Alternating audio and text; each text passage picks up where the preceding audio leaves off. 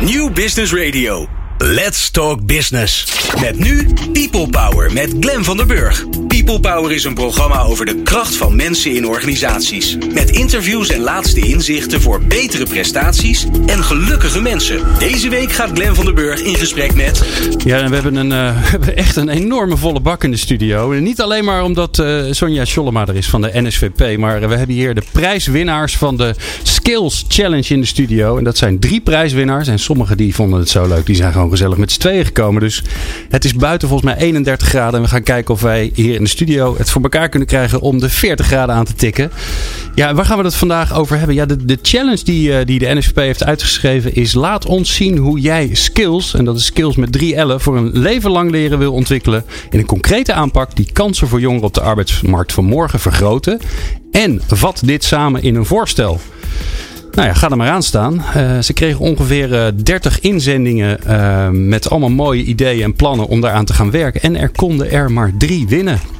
Ja, die winnaars die hebben wij vandaag. Die hebben afgelopen donderdag te horen gekregen dat ze de winnaars zijn van de Skills Challenge. En ja, vandaag gaan ze hier in de studio vertellen wat ze dan van plan zijn om te gaan doen. En dat hoor je het komende uur. People Power met Glen van den Burg. Ja, in de studio uh, Sonja Schollema. Daar beginnen we vandaag mee. Want uh, Sonja die... Het is de directeur van de NSVP. En Sonja, dan vragen heel veel mensen zich af. Ik kan wel vertellen waar het voor staat. Hè? De Nederlandse Stichting voor Psychotechniek. En vervolgens kijkt iedereen me dan altijd een beetje meewarig aan. Van ja, dat klinkt prachtig. Maar wat is dat eigenlijk? Nou, ik vind het belangrijk om even te zeggen dat deze Skills Challenge door de NSWP samen met Stichting Instituut GAK uh, georganiseerd is. Dus daar wil ik dadelijk ook wel graag nog wat over vertellen. Ja. Maar de NSWP is een stichting die alweer meer dan 80 jaar geleden is opgericht.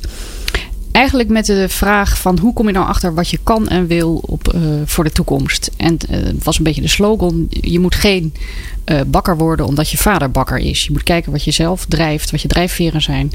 En waar je sterke punten liggen. En daar moet je dan je loopbaan op ontwikkelen. En dat was eigenlijk in een tijd dat er nog helemaal geen vervolgopleiding was. Het merendeel deed toen alleen de lagere school. En met het opkomst van diversiteit aan beroepen werd dus beroepskeuze een belangrijker punt. En later is de NSVP een groot uh, adviesbureau geworden op het gebied van HRM. En eind jaren negentig is het bureau verkocht en is er een vermogen in deze stichting gekomen. Oké.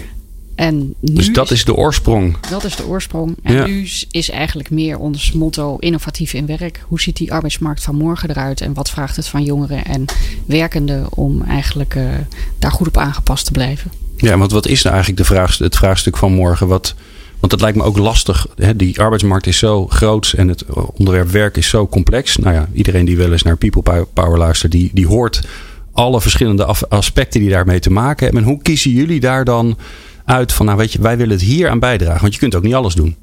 Nee, voor ons staat uh, ontwikkeling en talentontwikkeling heel erg centraal. Dus uh, je kan het ook over gezondheid hebben.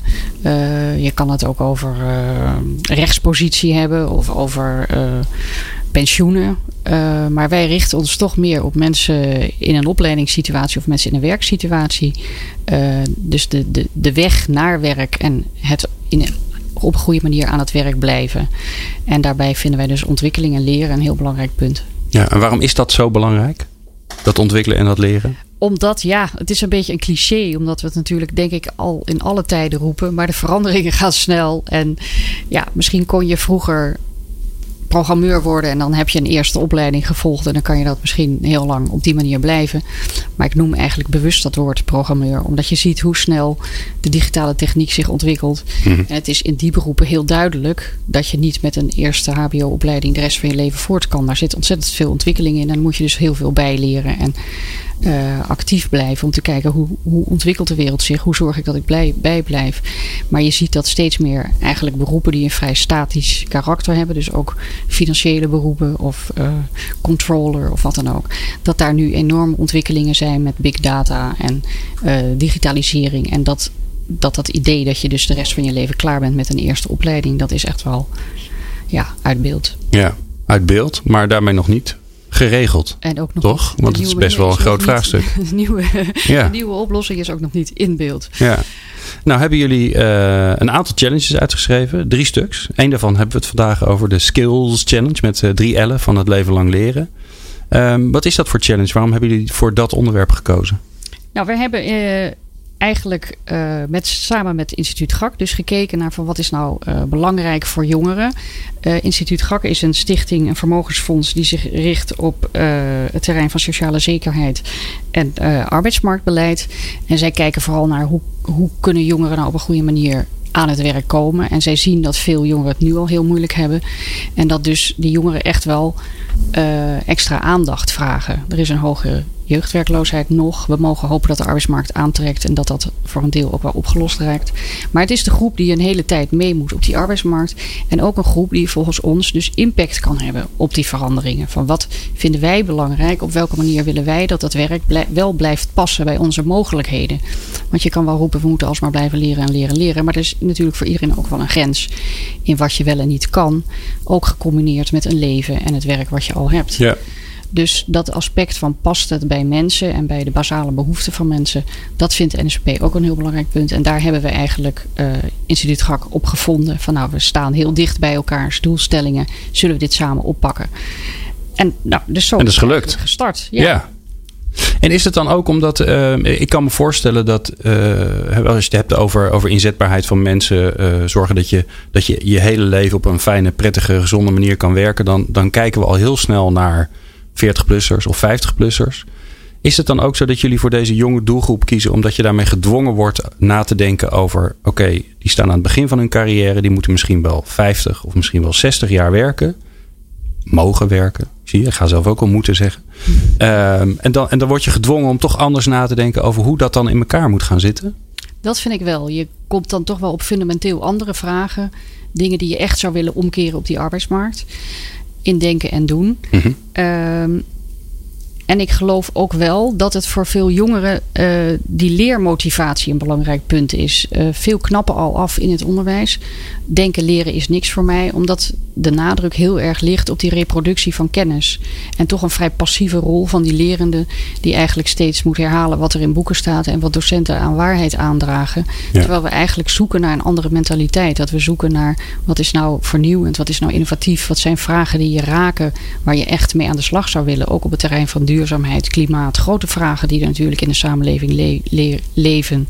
En ik denk dat die verbinding met maatschappelijke vragen of bedrijfskundige vragen ook uh, leidt tot onderwijs wat zin geeft en zin heeft. En daarom vinden we het belangrijk dat je eigenlijk in het begin van je leven al enthousiast op dat terrein van leren en ontwikkelen wordt. Ja. En het ook een verbinding met jezelf maakt. Uh, ja, zodat je op een hele andere manier dat thema duidt. En daarom hebben we ook gekozen voor dat reframing, leven lang leren. Dat leren heeft gewoon een connotatie van in schoolbanken zitten Mhm. en, ja, en dingen herhalen. Terwijl met wat nu in die skills discussie heel erg speelt, is hoe kan je ook vaardigheden, houdingen, motivaties, zelfbeelden aan bod laten komen in het onderwijs die veel stimulerender zijn voor dat leven lang leren. Ja. Dus wat ook een wat langer termijn doel najagen dan alleen dat diploma. En dat hoge cijfer waar natuurlijk scholen en leerlingen heel erg op afgerekend worden op dit moment. Ja. We hadden laatst uh, professor Semijn, dan moet ik het uit mijn hoofd doen, dat is altijd gevaarlijk. Uh, Judith Semijn. Judith, hè? ja. het gaat goed. Um, en die zei ook van ja, we moeten het gewoon anders noemen. Want als je het leren noemt, dan ziet iedereen een schoollokaal met bankjes en, en sommige mensen nog uh, hun, een, een inkpotje en, en, en luisteren en vooral niet te veel bewegen voor zich. En dat, en dat willen we niet. Ondertussen krijgt onze gast een. het is, voor mij hebben we het, de juiste temperatuur bereikt, want de, de keel is nu al droog. Dat gaat heel goed. Maar je hebt water gekregen. Dat, um, Um, dan even naar de, de Skills Challenge. Want uh, jullie hebben die challenge uitgeschreven. Wat, wa, wat, wat, was de vraag? Wat was eigenlijk de opdracht die jullie de wereld in hebben geslingerd? Ja, laat zien hoe jongeren skills voor de toekomst op een dynamische arbeidsmarkt kunnen ontwikkelen. Het is nog steeds een kikkertje in mijn keel, maar dat ja. is dan helaas. En dat is, houdt eigenlijk in wat, wat zijn volgens jullie, dus het gaat dan echt om de praktijk en de organisaties die zich met jongeren bezighouden en met deze vragen bezig zijn. Wat is volgens jullie, wat zijn nou die belangrijke skills, die toekomstskills? Waar gaat het in jullie project of jullie initiatief om? Hoe wil je het ontwikkelen? Maak het praktisch, maak, laat, laat zien wat je dan precies gaat doen. En waar? Want de vraag is natuurlijk toch wel, het onderwijs wordt heel erg overladen met eisen van dit zou moeten en dat zou moeten. En we moeten ook werken aan burgerschap en we moeten ook werken aan persoonlijke ontplooiing. En op een gegeven moment is natuurlijk toch ook de school uh, ja, maar een aspect van het leven van jongeren. En dus daarom zeiden we ook waar kan je het ontwikkelen. Het idee dat alles op die school moet plaatsvinden is volgens mij ook misschien wel verouderd. En zou je ook kunnen kijken hoe kan je heel mooie samenwerking tussen scholen en andere initiatieven krijgen. Ja. Vooral als het ook om techniek gaat. Scholen lopen dan misschien toch elke keer net een stapje achter op de ontwikkelingen in de maatschappij. Hoe kan je nou zorgen dat bedrijven uh, maatschappelijke initiatieven aangehaakt raken bij dat onderwijs? Of misschien moet het zelfs helemaal buiten het onderwijs plaatsvinden. Dus we hebben het vrij breed uh, gelanceerd. Dus laat zien ja. welke skills, hoe en waar die nou ontwikkeld kunnen worden. En dan krijg je 30 plannen. En ja. dan is er een jury. Ja. En die, die, die zeg je alsjeblieft, jury, 30 plannen, veel succes. En we kunnen er maar drie winnen. Ja, gelukkig zit er een tussenstap tussen. Dus we hebben gezegd, laten we in eerste instantie van die 30 er 8 nemen waarvan wij zeggen, die zijn het meest impactrijk. En dan gaat het om vragen van, ja, hoe kan je het opschalen? Zit er een aspect in waarvan je kan zeggen, ja, dat begint misschien met een klein initiatief, maar dat kan misschien ook wel groter worden. Uh, is het maatschappelijk relevant? Dus op wat voor type jongeren richt het zich? Vinden we dat ook echt een belangrijke groep? Uh, is het vernieuwend? Gebeurt hier iets wat we eigenlijk nog misschien minder hebben gezien? Uh, nou ja, zitten er ja, wat is de kracht van de ambitiecoalitie? Is, we vragen heel erg van probeer ook even buiten je eigen grenzen van je eigen organisatie te kijken met wie je dit wil aanpakken. En een sterke ambitiecoalitie zorgt nou toch ook voor meer power. Ja, en dan, dan blijven we erachter over. Die mochten een, een pitchfilmpje maken volgens mij. Hè? Ik, Ja. heb er, ik heb er een aantal eh, bekeken. Maar ja, dan moeten er dan toch drie overblijven. Ja. En, en stuur je dan de, de jury het bos in met van nou, kies gewoon de beste uit? Of, of, of heb je nog een soort protocol voor ze? Nou, we hebben dan eh, een scoreformulier en criteria. En daar Oh, wordt gewoon, eh, die acht worden dan echt eh, goed bekeken en bediscussieerd.